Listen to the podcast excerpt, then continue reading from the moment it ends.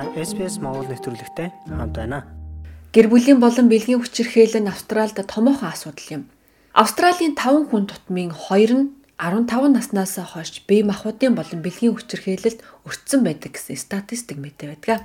Гэр бүлийн хүчирхээлэлд хэн ч өртөж болох ч цагаач эмэгтэйчүүд тусламж авах шаардлагатай үедээ нэмэлт саад бэрхшээлтэй тулгардаг юм. SBS Монгол нэвтрүүлэгтэй хамт байна. Бусад сонирхолтой нэвтрүүлгүүдийг SBS.com.cg Mongolian вебсайтаас хүлээн аваарай. Саяхны хүртэл гэр бүл гэр бүлийн хүчирхийллийг нийгмийн асуудал биш тухайн хувь хүний асуудал гэж үздэг байлаа. Гэхдээ статистик нь тодорхой байна. Австралид олон хүн гэр бүлийн гишүүнийхээ хүчирхийллийн золиос болсоор байна. 6 эмэгтэй тутмын нэг 18 эрэгтэй тутмын нэг нь хамтран амдрагчдаа бие махбодын болон бэлгийн хүчирхээлэлд өртсөөр байна. Өмнөд Австралийн их сургуулийн хүүхэд хамгааллын төвийн гэр бүлийн хүчирхийллийн мэрэгжилтэн доктор Нада Ибрахим гэр бүлийн хүчирхийлэл олон хэлбэрээр илэрч болно гэлээ. The issue of family violence it's actually an umbrella term that is used for Гэр бүлийн хүчирхийллийн асуудал бол гэр бүлийн болоод гэр бүлийн орчинд тохиолдож байгаа аливаа хүчирхийлэлд хэрэглэгддэг ерөнхий нэр том юм. Үүнд хүүхдийн хүчирхийлэл, ахмад насны хүчирхийлэл, ах トゥ угийн эцэг эхийн гих мэт гэр бүлийн орчинд тохиолдож болох аливаа хүчирхийллийг багтаана.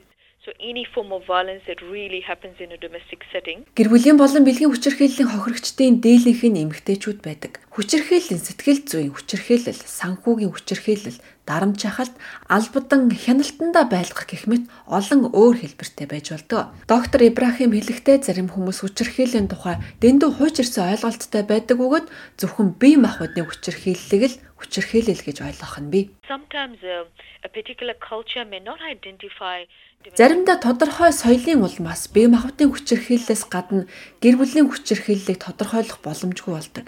Бие махбодын хүчирхийлэлнүүд нь ил харагдах учраас таньж мэдэж болдог. Гэвч зарим тохиолдолд үүнийг тодорхойлоход маш хэцүү байж магадгүй юм.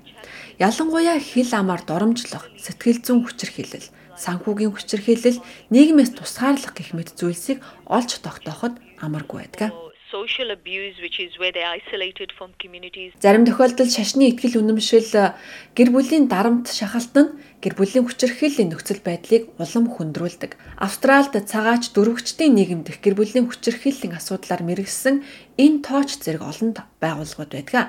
Ану Кришнан бол гэр бүлийн хүчирхийллээс урьдчилан сэргийлэх болон бусад асуудлаар хил соёлын ялгаатай үйлчлүүлэгчтэй илүү сайн харилцахад тусалдаг компанийн захирал юм. Тэрээр цагаачлан амьдрахад ирдэг элдв дарамт нь заримдаа гэр бүлийн хүчирхийллийн үндэс байж болдгийг анхааруулж байна. With the migrant communities they have the added stress Цагаачдын нийгэмлэгийн хувьд тэд шинэ соёлд тасах, амьдрах, өөртөө тохирсон ажил олох, ажил мэргэжлийн боломжоо олох зэрэг нэмэлт стресстэй амьдардаг юм а. Бүх нийтээрээ хүчирхийллийн эсрэг хамтарсан цагт л бид үүнээс салж чадна гэж хадагтай Кришнан онцолж байна. There has to be a lot of support Бидэнд маш их дэмжлэг хэрэгтэй байдаг. Тэгж байж л эмэгтэйчүүд тусламж хүсэхтэй зоригтой бас өөртөө ихтгэлтэй байж чадна. Мөн гэр бүлийн хүчирхийлэлд өртөж байгаа эмэгтэйг нийгэмд хаягдсан мэт сэтгэгдэл төрүүлэхгүй тулд олон нийтийн дэмжлэгийг дэвшлүүлэх хөтөлбөрүүд байх шаардлагатай. Дотны хамтрагчийн хүчирхийллийн талаар мэдээлэхэд санаа зовсноосоо болж эмэгтэйчүүд ихэвчлэн дугаа өнгөрдөг. Бид энэ ичгүүрийг арилгаж тэднийг буруутгах ёсгүй гэдгийг олон хүнд ойлгуулах хэрэгтэй.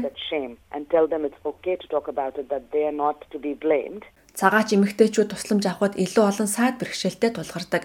Тэд хөвчлэн тусгаарлагдсан байдаг бөгөөд хаашаа хандах ёстойгоо ч мэдэхгүй байх нь илбэг they are scared to report and plus even if they do report Тэд мэдээлэхээс айдаг. Мэдээлсэн ч хаашаа хандхаа мэддэггүй. Тэд хүмүүст туслах эмэгтэйчүүдийн хамгаалах байранд очихдоо бэлэн биш байдаг. Олон эмэгтэйчүүд визний асуудалтай амьдардаг.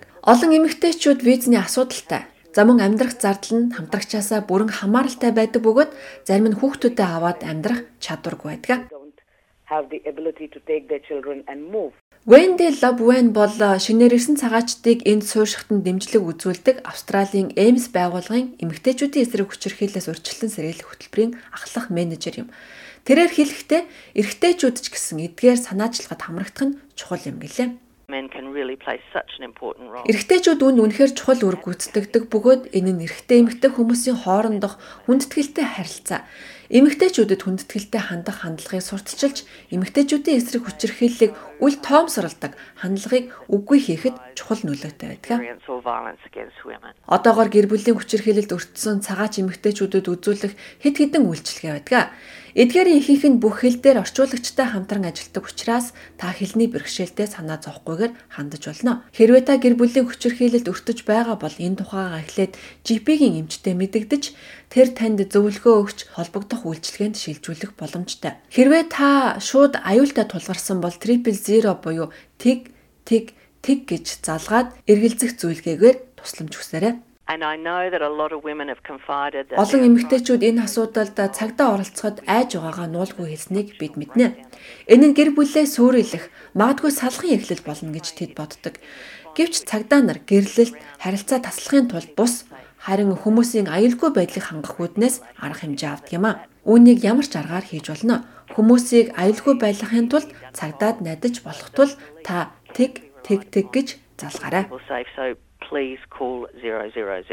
Хэрвээ та гэр бүлийн хүчирхийлэлд өртсөн эсвэл таны танд хэн нэгэнд ийм асуудал байгаа бол Respect 18 тэгтэг утсанд холбогдож тусламж авах боломжтой. Хэрвээ танд сэтгэл зүйн дэмжлэг хэрэгтэй байгаа бол Lifeline 1311 14 эсвэл Beyond Blue 18 тэгтэг 22 46 36 дугаарын утсанд холбогдож болно. Танд орчуулагч хэрэгтэй байгаа бол 13 14 50 дугаарын утсаар холбогдоорой. Бид дараагийн дугаартаа цагаачлалын лицензтэй зөвлөх үйлчилгээ үзүүлдэг заяата хийсэн ярилцлагыг хүргэх болно. Бид гэр бүлийн хүчирхийлэл виз нь хэрхэн нөлөөлдөг болон энд яаж шийдвэрлэдэг тухайд түүний гэр бүлийн хүчирхийллийн олон тохиолдолд орчуулагчаар ажиллаж байсан туршлага дээр үндэслэн ярилцсан юм а. Үүнтэй адилхан бусад нэвтрүүлгийг сонсомоор байна уу? Apple Podcast, Google Podcast, Spotify эсвэл та өөрийнхөө сонсдог апп ашиглан манай нэвтрүүлэгтэй хавд байгаарай.